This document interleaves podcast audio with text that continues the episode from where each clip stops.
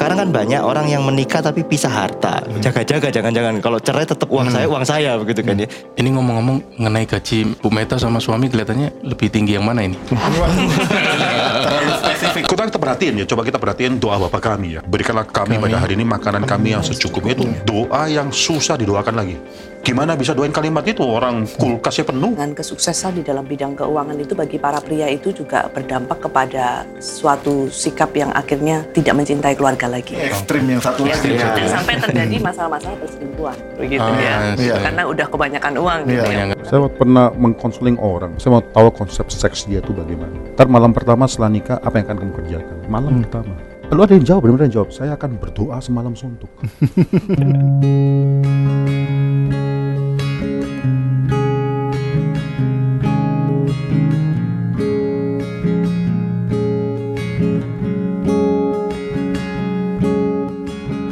Halo saudara, kita kembali di dalam program Pilgrim Talk at Gary Karawaci dan kita akan melanjutkan satu tema yang sangat penting, tema soal keluarga. Kita berada dalam seri yang membicarakan soal keluarga yang beribadah.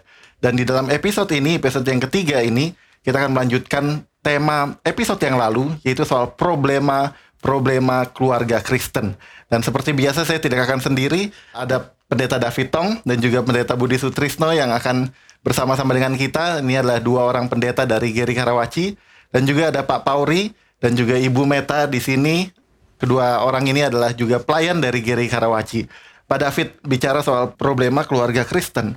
Uang dan juga seks ini menjadi dua tema yang sering kali muncul, Pak masalah pembagian uang, masalah uang yang satu pendapatan yang lebih tinggi daripada yang lain, uang yang tidak tercukupi untuk memenuhi kebutuhan hidup. Lalu kalau bicara soal seksual ini juga jadi problem yang lebih banyak lagi.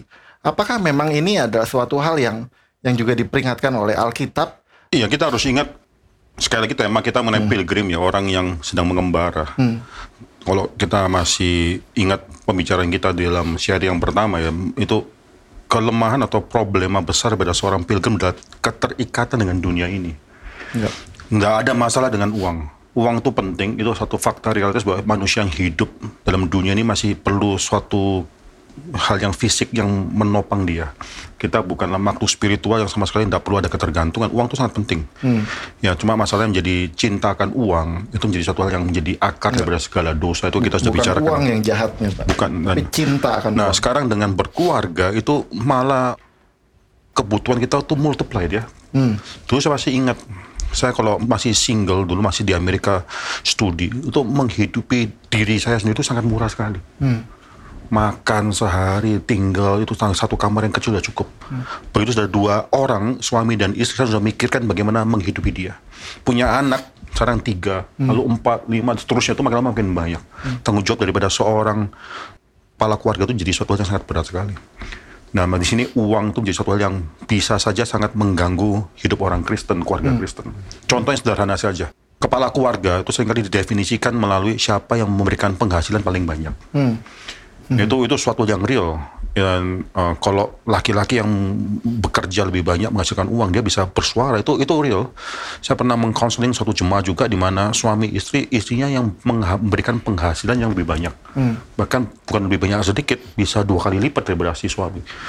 Itu ternyata sampai akhirnya memukul si suami merasa diri minder dan sebagainya sampai akhirnya believe it or not percaya atau enggak akhirnya pisah ranjang bahkan pisah rumah gara-gara masalah cuma masalah yang hal Hmm. demikian. Nah di sana si istri merasa dia yang harus pegang kendali dalam seluruh per- eh, perencanaan daripada keluarga dan seterusnya. Suami yang tidak bisa terima Hmm. sampai akhirnya hampir jatuh dalam dosa perselingkuhan gara-gara ini. Hmm, Nah itu apa yang harus kita pikir ini ini permasalahan real dan terjadi dalam jemaat ya. itu itu Ya. apa yang terjadi. Nah hati-hati tetap Alkitab mengatakan bahwa laki-laki harus menjadi pemimpin dalam keluarga. Hmm, Nah itu bagaimana istri walaupun punya penghasilan lebih banyak itu bisa memberikan dirinya untuk dipimpin oleh kepala atau kepala keluarga atau suami yang dia percaya untuk bisa memimpin. Itu malasan dia menikah Ya. sebenarnya. Ini kebetulan ada satu istri di sini. Ini Masalah ini real atau Kalau kita ngomong cuma teori doang ya. Sangat real sekali ya pemirsa juga ya. Kita menyadari bahwa eh, uang itu harus ada satu kata cukup dalam hati kita, ya. Dan bagaimana kita bisa memandang konsep uang itu dengan segala ucapan syukur di hadapan Tuhan. Kalau kita sendiri tidak ada batasan cukup dan bersyukur kepada Tuhan, kita sulit. Berapapun nilainya, kita akan pasti berpikir bahwa itu kurang. Dan para istri yang tidak mendukung suaminya akan selalu beranggapan bahwa apa yang kamu lakukan, apa yang kamu kerjakan, dan apa yang kamu hasilkan itu sama sekali tidak bernilai bagi aku atau kurang. Saya pribadi berangkat dari satu eh, konseling pernikahan yang begitu eh, bagus sekali, begitu. Jadi eh, kami dimantapkan dulu mengenai masalah keuangan. Kebetulan saya di sini juga bekerja, jadi eh, apa pun yang anda hasilkan itu harus diberikan kepada suami gitu ya sehingga kita boleh saling melengkapi satu sama lain di mana istri merasa harus bergantung sama suami itu penting sekali gitu Ini ngomongin soal cara ini menarik, Pak. Apakah Iya. cara itu bisa berbeda-beda? Kalau Bu Meta itu menyerahkan kepada suami, Iya. ada saya pernah dengar bareng-bareng di satu tempat yang sama, atau full diserahkan kepada istri. Nah, sebenarnya cara itu penting. Isu yang lebih utama adalah kesatuan gitu kan. ya. Tuhan bilang ya pernikahan itu dua orang yang disatukan, laki-laki dan perempuan itu disatukan. gitu. Disatukannya dalam hal apa? Ya bukan cuma kesatuan secara fisik, gitu. tapi saya rasa ya kesatuan di dalam segala sesuatunya gitu, termasuk, Termasuk uang. di dalam hal keuangan. Sekarang kan banyak orang yang menikah tapi pisah harta, begitu. Kenapa bisa pisah harta? Jaga-jaga, jangan-jangan kalau cerai tetap uang saya, uang saya, begitu kan ya. Jangan-jangan ada pemikiran seperti itu. Gitu. Nah itu jadi satu hal Itu yang salah, menghalangi kesatuan menurut saya. Gitu. Nah kalau eh, memang kesatuan itu adalah sesuatu hal yang Tuhan inginkan ada di dalam pernikahan, ya jangan sampai ada hal-hal yang kemudian menghalangi itu. Nah, kita melihat di dalam kejadian 2 ayat yang ke-16 ya. Ketika sudah jatuh di dalam dosa, Tuhan itu berkata kepada Hawa, firmannya kepada perempuan itu susah payahmu waktu mengandung akan kubuat 16. sangat banyak. Eh sorry 3 ayat 16. Akan kubuat sangat banyak dengan kesakitan engkau akan melahirkan anakmu namun engkau akan birahi kepada suamimu dan ia akan berkuasa atasmu. Nah ini ditafsir bukan cuma urusan seksual begitu tetapi ini ditafsir urusan nanti perebutan kekuasaan nih. Siapa yang akan lebih berkuasa, siapa yang akan jadi pemimpin dan seterusnya. Nah, saya rasa ini sangat berkaitan ya antara uang terus kemudian seks dan juga power ya, kuasa. Nah biasanya orang yang punya uang lebih banyak akan dianggap lebih Berkuasa. berkuasa gitu kan ya. Nah ini hal-hal yang seperti ini nih yang kita perlu perhatikan apa yang Alkitab peringatkan kepada kita ya. Ketika Adam dan Hawa sudah jatuh di dalam dosa langsung keluarga itu akan ada masalah di dalam hal ini. Nah, dan keluarga modern saya rasa ya masalahnya itu cuma fenomena yang muncul dari masalah yang sebenarnya karena kesatuan itu sudah mungkin ini ya. Ada individualisme juga ya. Sekarang kita hidup di suatu zaman yang semakin lama semakin mementingkan individu.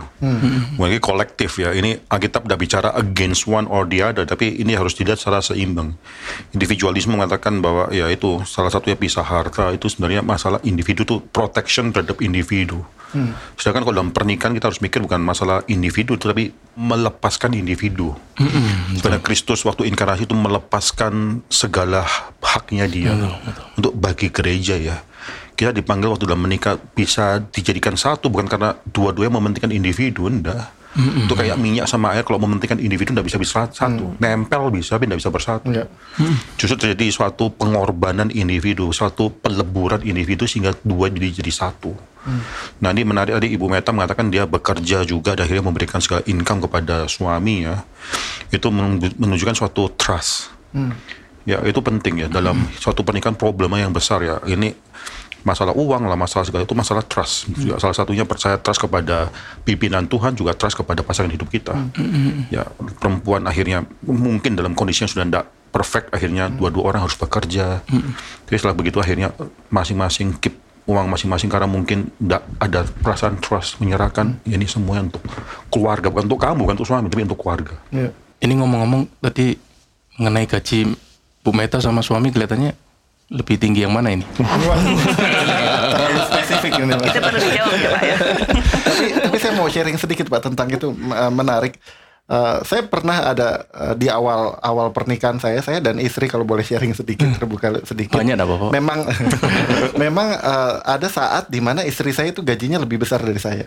Dan saya ingat memang tergodaan untuk minder itu besar sekali. Oh, iya. Dan saya ingat sekali kata-kata dari istri saya mengatakan yang penting kamu rajin, yang penting kamu benar-benar berusaha untuk uh, kalau memang bertanggung jawab atas keluarga dan juga kerja baik-baik itu cukup. Nah itu menguatkan. Baik. Ketika mendengar ada ada istri yang satu visi atau punya pengertian yang sama soal itu. Dan dari saya pun sebagai suami juga akan share, iya, yang penting kamu hormat. Yang penting kamu juga mengasihi istri juga. Dan mengasihi. betul, betul, betul, betul. itu dari sisi istri gitu ya. Tapi eh, saya nggak tahu filosofi dari mana. Tapi kita sebagai pria ya piala kita itu ya pekerjaan kita ya. Nah, kita menarik iya kan di dalam waktu Pialanya Tuhan menghukum pekerjaan. itu Tuhan mengatakan kau akan bersusah payah dan wanita akan sakit susah payahnya lain gitu ya. Kalau Ah, laki-laki dalam bekerja, iya. kalau perempuan dalam Melahirkan. melahirkan. Ah, Jadi laki-laki terus kemudian mengidentifikasi diri, mengidentikan dirinya dengan pekerjaan Pekerjaan. penghasilannya begitu ya. Yes, Hati-hati ya. juga loh. Realitanya, realitanya yang terjadi seperti itu. Identitasnya nanti. Ya. Pada saat seseorang pria itu kehilangan pekerjaan atau kehilangan mata pencariannya, dia bisa langsung drop. Betul, betul. Sering kita dengar. Karena Ini merasa ini masalah itu, itu real. sebenarnya sikap yang baik ada baiknya. Iya. Dan berarti mereka dia merasa bahwa dia harus bertanggung jawab dan melihara keluarga tersebut. Bagaimana kalau sampai akhirnya dia tidak bisa mencukupi. mencukupi, bahkan akhirnya yaitu perempuan atau istrinya mencukupi keluarga lebih daripada dia itu kan suatu bukan suatu hal yang salah dia merasa Iya, agak terpukul atau gimana. Iya, iya. Cuma tadi perkataan daripada Pak Sam ini penting juga ya. Waktu istri mengatakan asal kamu rajin, asal kamu tekun. Nah ini kembali pada waktu kita mau menikah, pas saya menikah, waktu kita konseling ya. Perempuan waktu mencari suami sering kali salah dalam arti suami yang sudah cukup mapan, suami yang sudah cukup kaya dan sebagainya. Itu itu semua standar yang salah. Orang waktu menikah, seorang perempuan waktu menikah tuh sedang menyerahkan hidupnya bukan pada masa saat itu si suami, tapi masa depan si suami. Ya, masa depan tuh roda tuh bisa bergerak dari atas bisa jadi di bawah. Itu perusahaan bisa bangkrut, Iya. uang bisa hilang, harta yang diwariskan bisa juga habis. Itu semua bisa hilang. Iya. Cuma kalau suami itu ada seorang yang pekerja tekun, ini, ini nanti kita bicara kalau masalah mendidik anak, kita harus mendidik anak semacam demikian. Itu istri, pasangan istri atau calon istri yang sedang akan menikah itu sedang mempercayakan kepada masa depan si suaminya tersebut. Tetapi tersangkut dengan masalah uang juga ya sering dihubungkan dengan kesuksesan di dalam bidang keuangan itu bagi para pria itu juga berdampak kepada suatu sikap yang akhirnya uh, tidak mencintai keluarga lagi atau sering terjadi di Sering di luar memperhatikan uang, pekerjaan mungkin ya. mungkin. workaholic. Iya, Ini ekstrim yang satu Ya, lagi. dan sampai terjadi masalah-masalah perselingkuhan begitu Ah, ya. iya. Karena udah kebanyakan uang gitu Iya, ya. Kebanyakan, Nah, ini bagaimana? ya? Lifestyle gitu ya. Hmm. Iya. Maka itu uang itu bisa jadi hamba yang setia Ya. dalam melayani pekerjaan Tuhan, bisa menjadi mamon juga dalam akhirnya merebut perhatian kita. Ya, sekali lagi kita bicara dalam episode sebelumnya, Tuhan tidak pernah menjanjikan dia akan memenuhi semua desire-nya kita. Tapi semua yang kita butuhkan. Kita kita perhatiin ya, coba kita perhatiin doa Bapa kami ya. Petisi yang keempat, berikanlah kami, pada hari ini makanan kami yang secukupnya itu doa yang susah didoakan lagi. Gimana bisa doain kalimat itu orang kulkasnya penuh, memakan bukan cuma secukupnya untuk hari itu untuk satu minggu ke depan udah terjamin. Iya. Kita pergi ke supermarket kita bisa beli untuk satu bulan ke depan. Itu doa yang sangat sulit didoakan. Itu teach us humility dalam mengatakan bahwa sehari-hari bergantung sama Tuhan. Nah, hati-hati uang ini menjadi, menjadi suatu setan ya, mamon yang merebut kepercayaan kita dalam kepada Tuhan. Kalau kita mengejar, kita mau mengejar apa yang kita desire, not what we need, but what we desire. Yang ini tidak pernah dijanjikan oleh Tuhan. Baik. Nah, keluarga bisa berantakan gara-gara hal itu. Tapi apakah ini cuma spesifik melihatnya kepada uang, Pak? Saya teringat satu cerita di dalam Alkitab bagaimana seorang pemuda pemimpin yang kaya itu mendekat kepada Kristus dan menanyakan bagaimana aku bisa memperoleh hidup yang kekal. Kemudian Kristus menanyakan, ya lakukanlah ini dan ini dan ini dan Sudah lakukan semua. Iya sudah lakukan semuanya. Ya. Ayo. Dan Kristus tahu apa isi hati pemuda itu dan langsung mengucam dengan satu pertanyaan, satu ajakan yang tajam dan kolaps akhirnya. Ya, yaitu ya jualah segala milikmu dan Bagikan orang. bagikanlah kepada semua orang dan ikutlah aku. Nah, ini apakah spesifik hanya kepada uang, Pak? Apakah pertanyaan uang ini juga akan ditanyakan kepada setiap kita? Dalam bagian yang lain, Tuhan Yesus juga bicara kepada orang-orang yang ngikutin dia. Baik. Yang ngikutin dia belum tentu benar-benar mau jadi pengikut begitu kan ya. Kemudian Yesus berbalik, berpaling, berkata kepada mereka, kalau kamu mau ikut aku, kamu harus Menyangkal diri. sangkal diri, pikul salib, Salib ikut dan- aku. Itu itu bicara bahwa harusnya nggak ada sesuatu yang menghalangi kita untuk kita ikut Tuhan. Kita mesti berani lepaskan apa pun itu. Kalau itu Gila menghalangi itu. kita ikut Tuhan. Betul. Ya, jangan pikir terus kemudian saya bisa ikut Tuhan sambil gitu kan ya. Nah, tapi sebenarnya kita nggak itu membuat kita nggak sungguh-sungguh ikut Tuhan. Eh, saya nggak mengatakan bahwa hal-hal itu, misalnya harta itu pasti buruk tidak. Ya tadi sudah pernah disebut juga. Ya uang itu bisa jadi hamba yang baik. Tapi uang itu kalau jadi tuan itu akan jadi tuan yang jahat.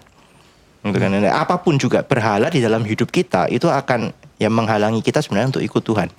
Nah kalau kita benar-benar mau ikut Tuhan kita lepaskan, berani lepaskan. Bahkan Tuhan Yesus itu ya ini sering kali agak mungkin agak against gitu ya. Ada orang mudah membenturkan ini. Kalau kamu tidak membenci ayahmu, ibumu, saudaramu laki-laki, saudaramu perempuan dan seterusnya, wah itu sulit sekali kan ya. Tapi Tuhan Yesus katakan hal itu. Dan saya tidak mengatakan bahwa kita mesti membenci keluarga kita, tidak. Tapi kalau itu menjadi penghalang, ya keluarga kita terus kemudian menghalangi kita ya kita harusnya kalau kita adalah kepala keluarga itu keluarga kita bawa mereka kepada Tuhan itu paling baik Baik. Gitu ya. tapi kalaupun kalau misalnya itu kemudian menjadi penghalang Baik. kesulitan kita kalau harus pilih Baik. ya pilih Tuhan gitu. Baik. Baik. Coba saya baca konteks daripada yang tadi dibacakan itu kan Matius pasal 19 ya. Yes. Matius pasal 19 ya ayat 21 kita usah baca semua ya. Kata Yesus kepada ya jikalau engkau hendak sempurna pergilah jualah segala milikmu dan berikanlah itu kepada orang-orang miskin maka engkau beroleh harta di surga. Kemudian datanglah kemari dan ikutlah aku. Ya. Oleh ayat 22 ketika orang muda itu mendengar perkataan itu pergilah ia dengan sedih sebab banyak hartanya. Di sini bukan berarti bahwa semua orang tuh harus menjual harta untuk ikut Kristus itu bukan poinnya di sana. Bukan poinnya di situ. Ini mengapa Tuhan khusus Tuhan Yesus ngomong kalimat ini kepada dia karena orang ini memang Sangat ayat 22 tuh mengatakan ditekankan memang hartanya banyak. Hartanya Jadi banyak. keterikatan dia kepada harta tuh yang diserang sama Tuhan pada saat itu. Cuma poinnya juga walaupun semacam demikian orang yang terikat dengan harta poinnya bukan cuma akhirnya berderma ya memberikan uang kepada orang-orang miskin enggak ya poinnya itu bukan cuma itu poinnya adalah kemudian datanglah kemari dan ikutlah aku poinnya adalah Kristosentrik Kristosentrik Kristus Betul, betul. bagaimana kita meninggalkan segala sesuatu dan bukan cuma meninggalkan segala sesuatu tapi nggak ada tujuan tapi kepada Kristus itu penting Ya. Ya. Nah, sekarang bicara mengenai keluarga lagi ya. Ini kan orang bicara mengenai orang yang cinta harta, maka Tuhan serang dalam hal harta tersebut. Jangan lupa ada orang yang mungkin harta tidak banyak, tapi cintanya adalah hal yang lain, termasuk misalnya pekerjaan, termasuk misalnya termasuk kita dibicara keluarga, cinta keluarga. Bagaimana dia lebih cinta anaknya, mementingkan kenyaman hidup anaknya lebih daripada mungkin panggilan Tuhan dan kerajaan Tuhan. Saya, saya kasih contoh yang sederhana. Saya dulu waktu di Amerika tuh masih pernah melayani suatu jemaat di mana ada suatu cerita yang sangat menarik sekali. Ini di gereja di gereja lain Uh, lalu ada orang tersebut keluar daripada gereja tersebut, oh, maksudnya lagi keluar lagi kebaktian dia mungkin ke WC atau bagaimana. Lalu ngelihat ada seorang bapak yang tidak masuk ke ruang ibadah, mungkin kayak lagi menanti di mobil atau bagaimana dia ngeliat orang tersebut, lalu dia samperin dia datengin, kenapa kok nggak masuk? Dia kata satu kalimat yang mengagetkan sekali. Saya tidak masuk karena saya tungguin anak saya tidur di belakang, lagi istirahat. Jadi saya tidak mau mengganggu dia untuk eh, membangun dia dan ibadah. Itu adalah cinta terhadap keluarga yang harus dihancurkan supaya orang itu bisa cinta pada Tuhan. Itu akhirnya melayani keluarga lebih daripada membawa keluarga mengenal Tuhan. Termasuk dalam diri kita semua. Saya terus ya masih ingat ya kita di Geri Karawaci terus menghancurkan orang untuk bawa anak yang masih kecil sekalipun dalam datang dalam persekutuan doa pagi. pagi. Kalau perlu dibangunkan nangis tidak apa-apa. Karena kita bukan sedang melayani keluarga. Kita membawa mereka untuk mengenal mencintai gereja Tuhan, mencintai Tuhan dan sebagainya. Jadi ini ya salah satu problem dalam keluarga adalah kita terikat pada yang sementara. The blessing daripada Tuhan itu menjadi fokus hidup kita, bukan Tuhan yang memberikan blessing, tapi blessing daripada Tuhan. Ingat ya Ayub ya, bicara Ayub ya, Ayub sama nyonya Ayub, nyoyub, nyoyub. itu kan bedanya satunya memang terikat kepada Tuhan yang memberikan berkat, satunya kepada berkat yang Tuhan berikan, dua hal yang berbeda. Saya ingat Pak David juga berapa kali kasih contoh bahwa banyak keluarga itu mengeluh. Banyak gereja sekarang itu nggak family friendly. Oh, Jadi Pak David kasih kasih satu statement yang yang saya pikir sangat sangat tepat. Justru kebalik banyak family yang nggak Church friendly. Nggak church friendly. Jadi ini bicara soal prioritas ya Pak ya. Bicara soal mana yang utama dan dan mana yang tidak utama. Nah saya mau mau balikin lagi Pak, kembali ke masalah problema. Ibu Meta sempat mention soal kebanyakan uang akhirnya uh, karena Nyerong. fokus terlalu Masalah akhirnya kita. serong. Uh, akhirnya mencari kepuasan seksual ke pasangan yang lain. Nah sebenarnya bicara soal seksual itu posisi di dalam keluarga itu seperti apa Pak? Wah, justru seks itu adalah suatu hal yang sangat penting dalam dan sangat dibutuhkan oleh manusia. Itu kita nggak usah menganggap bahwa seks itu satu hal yang rendah. Itu konsep daripada reformasi merubah hal ini sekali lagi. Reformasi menganggap bahwa seks itu adalah suatu hal yang memang pemberian Tuhan. Bahkan sebelum manusia jatuh dalam dosa, seks sudah diberikan oleh Tuhan. Bukan cuma supaya mereka bertambah banyak, itu bukan. Itu akhirnya cuma menjadikan seks sebagai suatu hal yang mau tidak mau harus melalui itu melahirkan ananda. Tapi seks diberikan kepada kita supaya kita mengenal Tuhan. Itu itu satu kalimat yang sudah dimengerti. Iya. Jangan lupa ya di Alkitab itu banyak sekali ketika orang Israel itu tidak setia kepada Tuhan dikatakan mereka sedang apa? Melacurkan diri. Itu kan gaya bahasanya itu seksual. Mereka sedang melacurkan diri menjadi pelacur dan sebagainya. Yes. Bahkan Tuhan itu seakan divorce, menceraikan orang Israel yang sedang melacurkan dirinya itu masalah seksual. Nah, seks itu suatu hal yang indah dan silakan dinikmati dalam konteks tapi dalam konteks pernikahan. Di sana ada orang yang mengatakan sekarang free sex. Dia mau dengan siapa pun melakukan hubungan seksual itu terserah dia dia nggak mau menikah salah satu alasannya karena dia nggak mau terikat dengan satu orang yang sama saja. Justru free sex terjadi dalam orang yang benar-benar takut akan Tuhan dan berkeluarga. Di sana silakan menikmati itu free. Itu indah dan sangat berkenan di hadapan Tuhan. Ya, itu orang-orang yang akhirnya mengatakan free sex dalam konsep dunia ini sebenarnya menjadi hamba seks. Tidak benar-benar free karena dia akhirnya melacurkan dirinya. dan- Ironis nih. Nah, ini, ini perlu pertobatan. Tuhan memberikan suatu konteks yang baik yaitu pernikahan untuk akhirnya di mana kita menikmati dan uh, ini mungkin bisa memperkenalkan buku juga John Ya. Piper. Uh, ini sudah diterjemahkan dalam bahasa Indonesia kalau saya nggak salah. John Piper menuliskan suatu menuliskan suatu buku judulnya adalah Sex and the Supremacy of Christ. Uh, seks uh, dan, Dan juga supremasi- keutamaan Kristus. daripada Kristus. Sudah terjemahkan dalam bahasa Indonesia. ya? Supremasi Kristus kayak itu. supremasi Kristus. Di sana juga cuma ada dua tesis. Yang pertama, mengenal supremasi Kristus membuat kita semakin menikmati seks. Menikmati seks dan mengerti seks dalam konteks yang benar membuat kita mengerti supremasi Kristus. Wah, itu topik yang sangat sulit bisa diterima. Apa hubungannya seks dengan supremacy of Kristus? Tapi saya percaya seks diberikan oleh Tuhan dalam hidup manusia supaya Tuhan tahu bahwa kita ini adalah hubungan dengan Tuhan. Termasuk dari hubungan suami istri yang paling intim, hubungan Tuhan dan gereja. Ya, itu kan suatu hal. Ya, ya. Bahkan kita dipanggil sebagai mempelainya Kristus. Itu itu Ya. hubungan seksual itu. Union with Christ itu union yang lebih daripada cuma seksual doang itu. Union with Christ. Yang Paulus sendiri bicara kan di 1 Korintus pasal yang ketujuh gitu ya. Suami istri itu jangan saling menjauhi gitu ya. Ya. Ya, kecuali untuk untuk berdoa. doa dan sementara aja gitu sementara waktu untuk berdoa begitu ya itu berarti ya ini memang hal yang yang penting untuk diperhatikan gitu ya dan kembali lagi kalau bicara tentang pernikahan itu bicara tentang kesatuan dan kesatuan itu ya dinyatakan dengan ya salah satunya hubungan seksual itu antara suami dan istri gitu. Itu menjadi sesuatu hal yang eh, jelas begitu ya, berkenaan dengan kesatuan ini. Nah khususnya di dalam dunia yang saat ini ya sebenarnya penuh dengan serangan terhadap seksualitas yang benar. Begitu kan, pornografi, ya, terus kemudian perselingkuhan, seks bebas dan segala macam. Itu kan dunia ini sekarang penuh dengan hal-hal yang seperti itu. Maka sebenarnya seksualitas Kristen itu harusnya juga perlu ditekankan mungkin ya. Ya, ini mungkin jarang Caranya- dibahas, iya, jarang gimana? dibicarakan, Iya. begitu kan ya.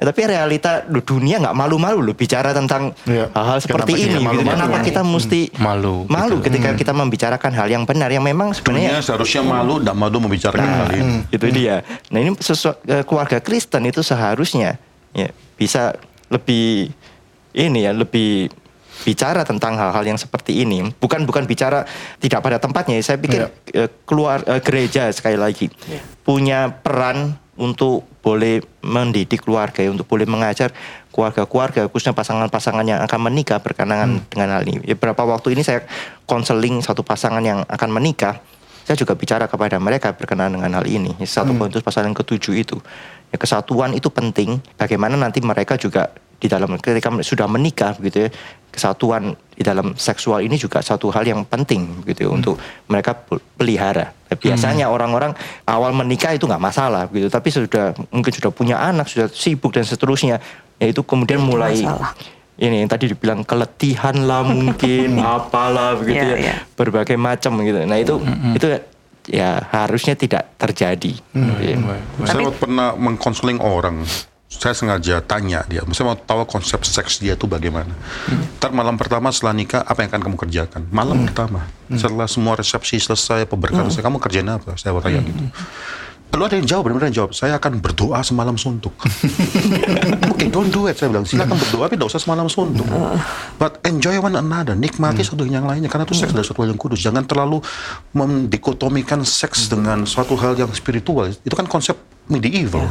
Ya, sungkan kali Pak jawabnya sama Bapak. kalau saya nggak salah ya, kalau saya nggak salah justru pada Sungkan. waktu reformasi dan kemudian Puritan, menikah itu bukan selesai pada waktu pemberkatan. Menikah itu baru selesai consummate itu pada waktu sudah hubungan seksual gitu. Bener nggak ya? Saya Pak nggak berat. Nah itu bahkan saya pernah membaca ada itu ada kasus begitu yang sudah menikah terus kemudian merasa ini zaman itu ya reformasi baru terjadi melakukan hubungan seksual itu sesuatu yang aduh gimana begitu ya. Ya. sehingga tidak terjadi. Nah kemudian istrinya tanda kutip lapor ke gereja. Dan itu di Oh iya, iya, iya. dikenakan tahu. disiplin, gereja, Disiplin, disiplin gereja. dikenakan disiplin gereja karena ya, suaminya tidak Kalau sekarang udah beda. Sekarang eh, kapan kita bicara mengenai individualisme? Mungkin dalam episode ini kita bicara mengenai individualisme sudah sangat tinggi. Di mana itu ada konsep yang menarik sekali. Orang Amerika itu ngesu suaminya atau pasangannya itu di, di charge karena alasan pemerkosaan. Gimana mungkin suami istri bisa memperkosa itu? Itu nah di sana mereka sangat mengatakan bahwa itu hakku. Eh. Kalau saya tidak mau ya saya tidak mau kasih. Ngomong apa? With Tapi ya, Iya, satu kan bicara mengenai satu Korintus, satu Korintus pasal 7 itu penting. Satu Korintus pasal 7 ayat yang ketiga ya. Hendaklah suami memenuhi kewajibannya terhadap istrinya, demikian pula istri terhadap suami. Ini bukan kewajiban untuk mencari uang, dah ya. Konteksnya kalau kita baca empat, baca ya, ayat keempat tuh konteks dalam hal eh, seksual. Istri tidak berkuasa atas tubuhnya sendiri, tapi suaminya. Demikian pula suami tidak berkuasa atas tubuhnya sendiri, tapi istrinya. Ini bukan mengatakan bahwa lalu semena-mena jadi sexual abuse dalam keluarga. enggak. Cuma konsep bahwa saya diperkosa oleh pasangan hidupku itu satu hal yang sangat asing sekali. Ya, kita mengatakan bahwa yang pasangan hidupku memerlukan seks tersebut dan akhirnya saya memberikan diriku untuk melayani dia itu tidak ada sesalahnya. Tadi bicara mengenai seks dan dosa yang terjadi dalam keluarga ya. Iya. Salah satu dosa yang atau masalah keluarga yang paling besar yang dihadapi dalam gereja itu ada masalah seks. Yes. Ternyata keluarga Kristen pun banyak sekali yang akhirnya suami atau istri hatinya bercabang. Ini bukan bukan menjustifikasi, tapi sering kali banyak sekali ini terjadi karena apa? Satu pasangan deny pasangan yang lain pleasure, kenikmatan daripada seksual. Mereka menolak, tidak kasih. Ya sudah akhirnya cari mana? Itu akhirnya menyeleweng. Itu salah satu kemungkinan terjadi. Uang, ala- banyak alasan ya. Iya. Cuma pada akhirnya menurut saya sih, menurut saya tetap konsepnya adalah kita tidak menikmati, tidak percaya pada apa yang Tuhan berikan dalam hidup kita, maka kita cari hal yang lain di dalam apa yang sudah Tuhan berikan itu pernikahan tersebut. Uang lebih kah? Atau Termasuk mungkin masalah seks seks. lebih kah? Atau yang lainnya? Itu harus hati-hati. Jadi yang dimaksud tadi seks itu eh, sebetulnya kita untuk mengenal Allah. Kalau saya nggak eh, salah menangkap dari apa yang dijelaskan Pak David itu di dalam seks itu kita sendiri belajar mengenal kekudusan ya Pak ya. Iya, kekudusan dan bahkan sendiri. keintiman Tuhan kepada kita. Bayangkan ya, hubungan suami istri yang paling intim dinyatakan dalam apa sebenarnya? Ya. Yaitu dalam hal uh, kita menghormati ranjang terus seksual, seksualitas. Nah, hubungan Allah kita kita diberikan itu bukan supaya kita cuma menikmati pasangan hidup kita, supaya kita bisa melihat bagaimana Tuhan tuh sangat dekat dan sangat akhirnya united, sangat menyatukan dirinya pada kita. Akhirnya kita juga dipanggil sebagai mempelai Kristus, istrinya Kristus loh, mempelai perempuannya Kristus, pakai language yang sama. Hmm. Ini message terutama untuk bukan hanya yang sudah menikah, tapi untuk yang belum menikah. Persiapan untuk menikah itu bukan cuma urusan resepsi begitu ya dan lain sebagainya. Tapi justru apakah keduanya itu benar-benar mengerti ya panggilan untuk berkeluarga. Dan kemudian juga mengerti prinsip-prinsip Alkitab di dalam berkeluarga. Dan kemudian juga mesti memperhatikan juga peringatan-peringatan di dalam Alkitab tentang yaitu dosa-dosa yang mungkin terjadi di dalam keluarga. Dan yang menarik Tuhan itu memberikan hukuman yang berat tuh terhadap pelanggaran dosa-dosa ini di dalam pernikahan dan keluarga. Misalnya perzinahan itu hukuman mati. Ya. Misalnya itu kan hukuman yang berat sebenarnya itu kalau kita melihat ya hukuman itu berat berarti ini penting. Khususnya kalau kita kaitkan lagi dengan Efesus pasal yang kelima dengan surat Wahyu misalnya. Pernikahan Kristen adalah gambaran Kristus dan jemaat. Kalau gambaran Kristus itu dirusak, Tuhan pasti hukum berat. Maka ini jadi satu hal yang terlalu penting yang harusnya diperhatikan oleh ya baik yang sudah menikah maupun yang akan, Akan menikah. menikah. Yang sudah menikah Tuhan masih kasih kesempatan ya untuk bisa ya ada hal yang harus bertobat, harus kembali dan harus diperbaharui. Ya silakan lakukan. Orang-orang yang mau menjalani pernikahan ya harap memperhatikan ini baik-baik, mempersiapkan baik-baik minta anugerah Tuhan. Ya bergantung kepada Tuhan. Karena kalau kita ya bergantung diri kita sendiri pasti nggak bisa. Persiapan kita yang terbaik tidak akan bisa menjaga kita. Ya, anugerah Tuhan. Tetapi kita juga punya tanggung jawab di dalam hal ini. Saya pikir ini suatu hal yang penting. Sayang sekali ada gereja-gereja yang persiapan pernikahan itu nggak terlalu penting. Gitu ya. Ya mereka cuma ketemu satu kali terus kemudian ya sudah bisa langsung menikah dan seterusnya. Itu sayang sekali. Tapi kita sebagai orang Kristen ya sebagai satu gereja kita punya tanggung jawab untuk kita mempersiapkan orang-orang yang akan menikah dan berharap melalui itu Tuhan memberkati pernikahan mereka, memimpin pernikahan mereka sehingga tujuan Tuhan melalui pernikahan itu juga tercapai. Gitu, ada generasi yang dilahirkan, generasi yang saleh yang dididik di dalam Tuhan, tapi pasangan yang menikah itu sendiri juga dikuduskan. Ya saya pikir satu hal yang penting ya dalam kita menjalani hidup keluarga, panggilan berkeluarga, lalu ada panggilan beribadah itu penting. Beribadah itu berarti ada satu di atas kita, akhirnya kita menundukkan diri kita, lalu kita beribadah. Itu selalu harus kita ingat. Dalam waktu kita menikah, problema hidup daripada begitu banyak pasangan, bahkan pasangan Kristen, kadang-kadang meninggikan ego diri lebih daripada segala sesuatu. Kita sebenarnya bukan memiliki ilah di luar diri kita, kita menjadikan diri kita ilahnya kita sendiri. Itu keluarga cepat sekali rusak karena masalah ini. Tidak mengerti apa itu ibadah. Nah kita dipanggil dan kita udah ngomong berkali-kali ya mengenai bagaimana Tuhan memakai pernikahan itu menjadi suatu alat yang menguduskan kita. Itu Ya. pun dalam satu rubrik, suatu payung bahwa kita sedang beribadah kepada Tuhan. Ya. Jadi salah satu yang penting adalah puaslah dengan pemberian Tuhan dalam hidup kita. satu episode yang kembali sangat menarik dan kami berharap dan berdoa juga boleh menjadi berkat untuk saudara-saudara sekalian yang mendengarkan ataupun menonton video ini dan ini mengingatkan kita kembali panggilan kita sebagai keluarga yang beribadah, panggilan kita sebagai pilgrim, sebagai pengembara yang fokus hanya kepada Tuhan, bukan kepada dunia. Sekali lagi saya ajak kita semua untuk boleh menantikan episode-episode yang selanjutnya khususnya di dalam seri keluarga yang beribadah ini dan nantikan tema-tema yang menarik sekali lagi dalam Pilgrim Talk at Gary Karawaci. Tuhan memberkati.